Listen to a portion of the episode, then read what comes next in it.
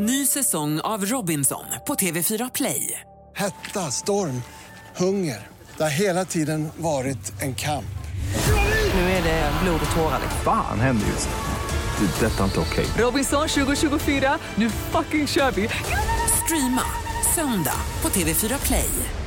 Du lyssnar på poddversionen av senaste nytt från Expressen TV.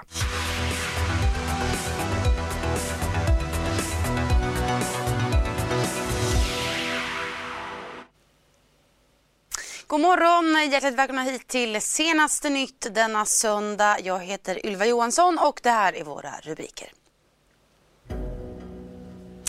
Två personer skjutna i Linköping. Polisen misstänker försök till mord. Efter frisläppningen, nu berättar Ola Binni om sin tid i fångenskap i Ecuador.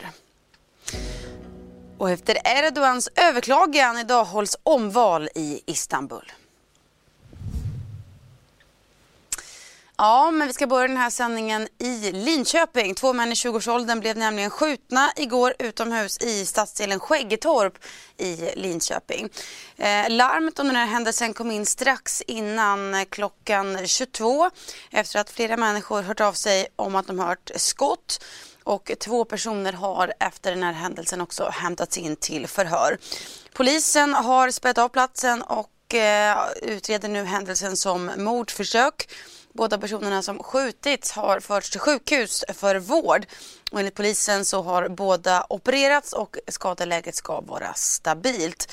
Jag ska också säga det att eh, Skäggetorp fanns med på polisens lista över särskilt utsatta områden i Sverige som presenterades här i början på juni.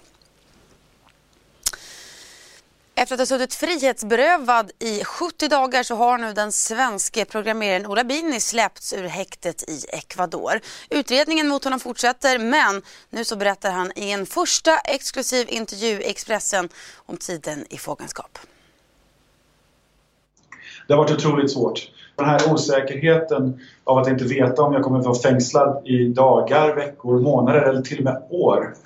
Det har varit det svåraste och jag har mått otroligt dåligt av att inte veta. Den svenske programmeraren Ola Bini släpptes ur häktet i Ecuador natten till fredag efter att ha suttit inspärrad i 70 dagar.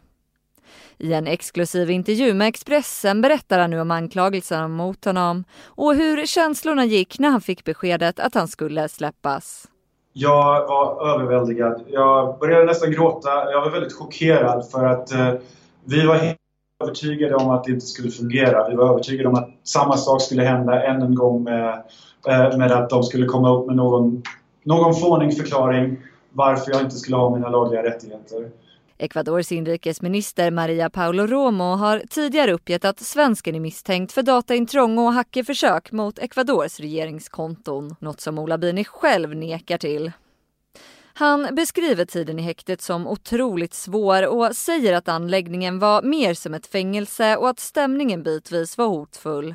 Eh, tre gånger tror jag det varit så har det varit gäng med knivar som försökte bryta sig in i vårt cellblock. Eh, och där har jag och några andra, vi har stått och försökt att försvara dörren till cellblocket mot de här typen av gäng. Så det är, var, ungefär var tredje vecka så dör en person i det här fängelset som jag var i. Och eh, eh det är en farlig atmosfär. Trots att Ola Bini nu fått lämna häktet så är han inte frikänd. Utredningen mot honom kommer fortsätta och han får inte lov att lämna landet. Jag vet inte exakt vad som kommer hända. Mina advokater jobbar på det. Vi kommer att försöka se till att jag får rättvisa och så snabbt som möjligt.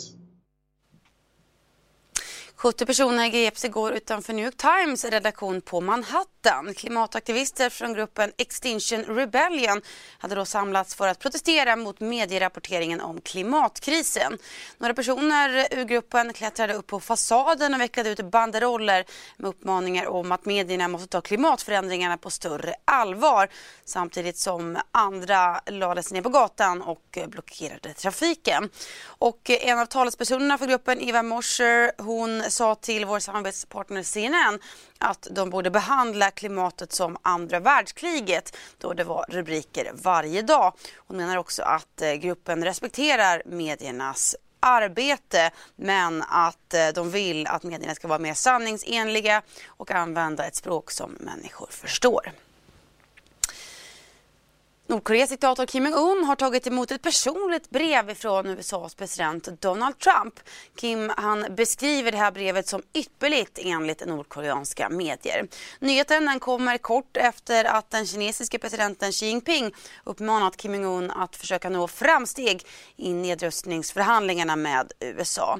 Xi Jinping sa också att han är redo att skapa en, eh, eller spela en konstruktiv roll i arbetet med att göra Koreahalvön fritt från kärnvapen. We are back to the letter writing between the leaders of North Korea and the United States. KCNA, the uh, state run media in North Korea, says that Kim Jong un has received a letter from President Trump. They've also published uh, a photo showing him reading that letter. Now, according to KCNA, uh, the, uh, the North Korean leader said with satisfaction that the letter is of excellent content. Uh, also flattering uh, the, the, US president, as he is wont to do, saying that he appreciates the extraordinary courage of President Trump. Kim Jong un said that he would seriously contemplate the interesting content. Now, this comes just a couple of weeks uh, after we understand that there was uh, a letter from Kim Jong un sent to the US president. Mr. Trump did say it was a beautiful letter. He said he wouldn't reveal uh, the contents, but that he was uh, happy with it. So, certainly, uh, we're seeing that, that, that, these two leaders are back to communicating. Uh, since the Hanoi summit in February, there really had been very little communication between between the US uh, and North Korea. Those denuclearization talks uh, had definitely uh, stalled the Hanoi summit, where there was uh, no agreement, and both sides walked away with uh, with no agreement. we had heard from Kim Jong Un that that he wanted the US to change its attitude in order to get these talks back on track. But it does appear as though this letter today is in response to the letter Kim Jong Un sent a couple of weeks ago. It comes at an interesting time as well. We're just days away from the US President Donald Trump heading to the region. He's going to the G20 uh, in Japan, where he's expected to meet on the sidelines with uh, with the Chinese President uh, Xi Jinping, and he's also coming here to Seoul around the G20 uh, to talk with uh, with South Korean President Moon Jae-in. So certainly we are seeing a lot more movement when it comes to to potential talks once again on the denuclearization of North Korea.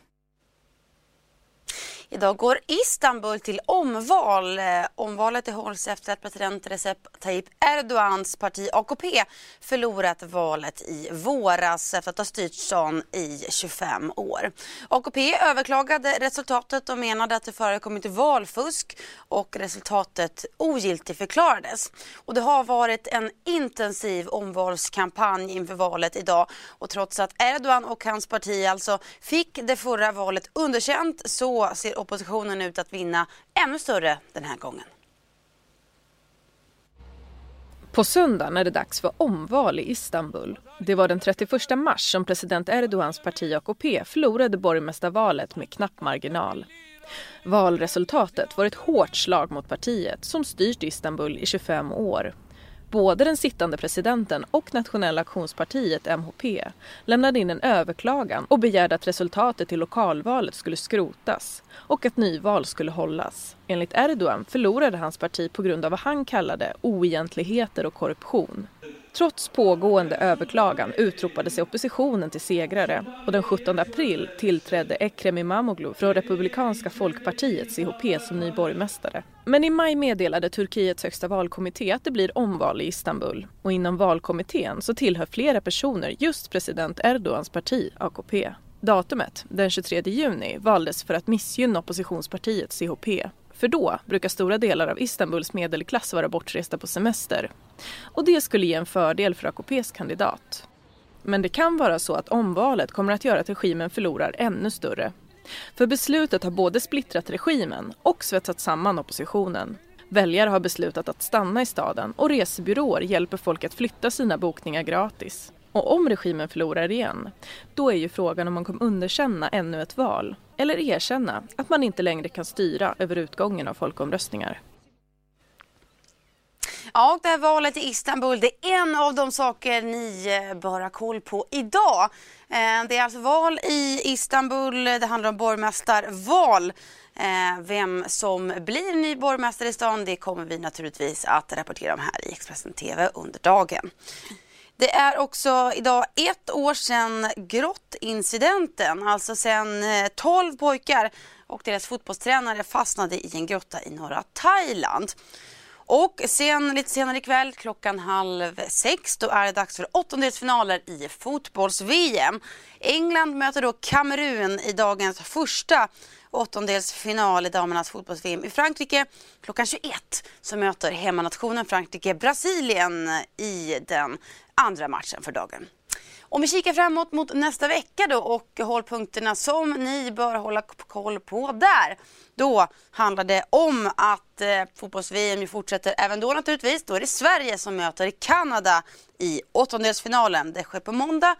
Sverige slutade ju tvåa i sin grupp och eh, efter det så blev det ju alltså Kanada som blev nästa motstånd för Sverige. Vid en vinst så kommer Tyskland att vänta i kvartsfinalen. På måndag så är det också OS-omröstning. Då sker alltså den slutgiltiga omröstningen om vilken stat som ska få OS 2026. Internationella olympiska kommittén IOK tar då beslut eh, om det blir Stockholm och Åre eller Milano Cortina som får OS och Paralympics. Vi sänder detta i Sportexpressen TV från eh, hela dagen imorgon och resultatet väntas klockan 18. Avslutningsvis så kommer Liberalernas valberedning imorgon lägga fram sitt förslag till ny partiledare och den 28 juni så väljs vi sen Jan Björklunds efterträdare. Ja, det ska ni hålla koll på nu i veckan som kommer. Om eh, en annan sak som skulle ha hänt idag egentligen men som nu inte blir av det är eh, massutvisningen av papperslösa flyktingfamiljer i USA. Eh, det meddelade Donald Trump igår på Twitter. Massutvisningarna skulle ha genomförts idag alltså och enligt medieuppgifter så skulle då runt 2000 migrantfamiljer gripas och utvisas. Men så ger Trump eh, istället Demokraterna och Republikanerna i kongressen två veckor på sig att hitta en lösning på problemet med asylprocessen vid den södra gränsen.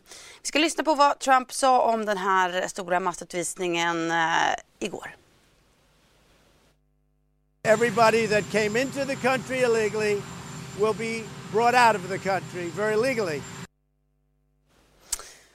Ja, och Trumps politiska motståndare Juan Castro han skräder inte med orden över presidentens eh, tilltag med de här så kallade ICE-räderna. Vi ska lyssna också på honom.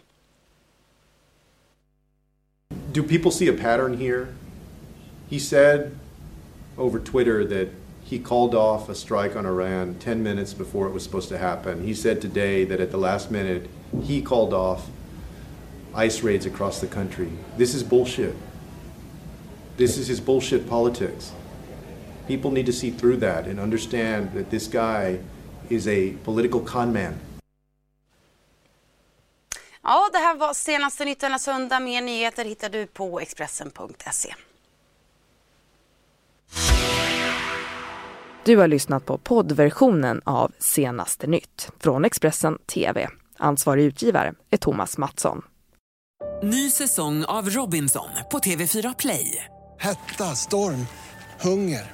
Det har hela tiden varit en kamp. Nu är det blod och tårar. Fan händer just det. Det är detta inte okej. Robinson 2024, nu fucking kör vi! Streama söndag på TV4 Play.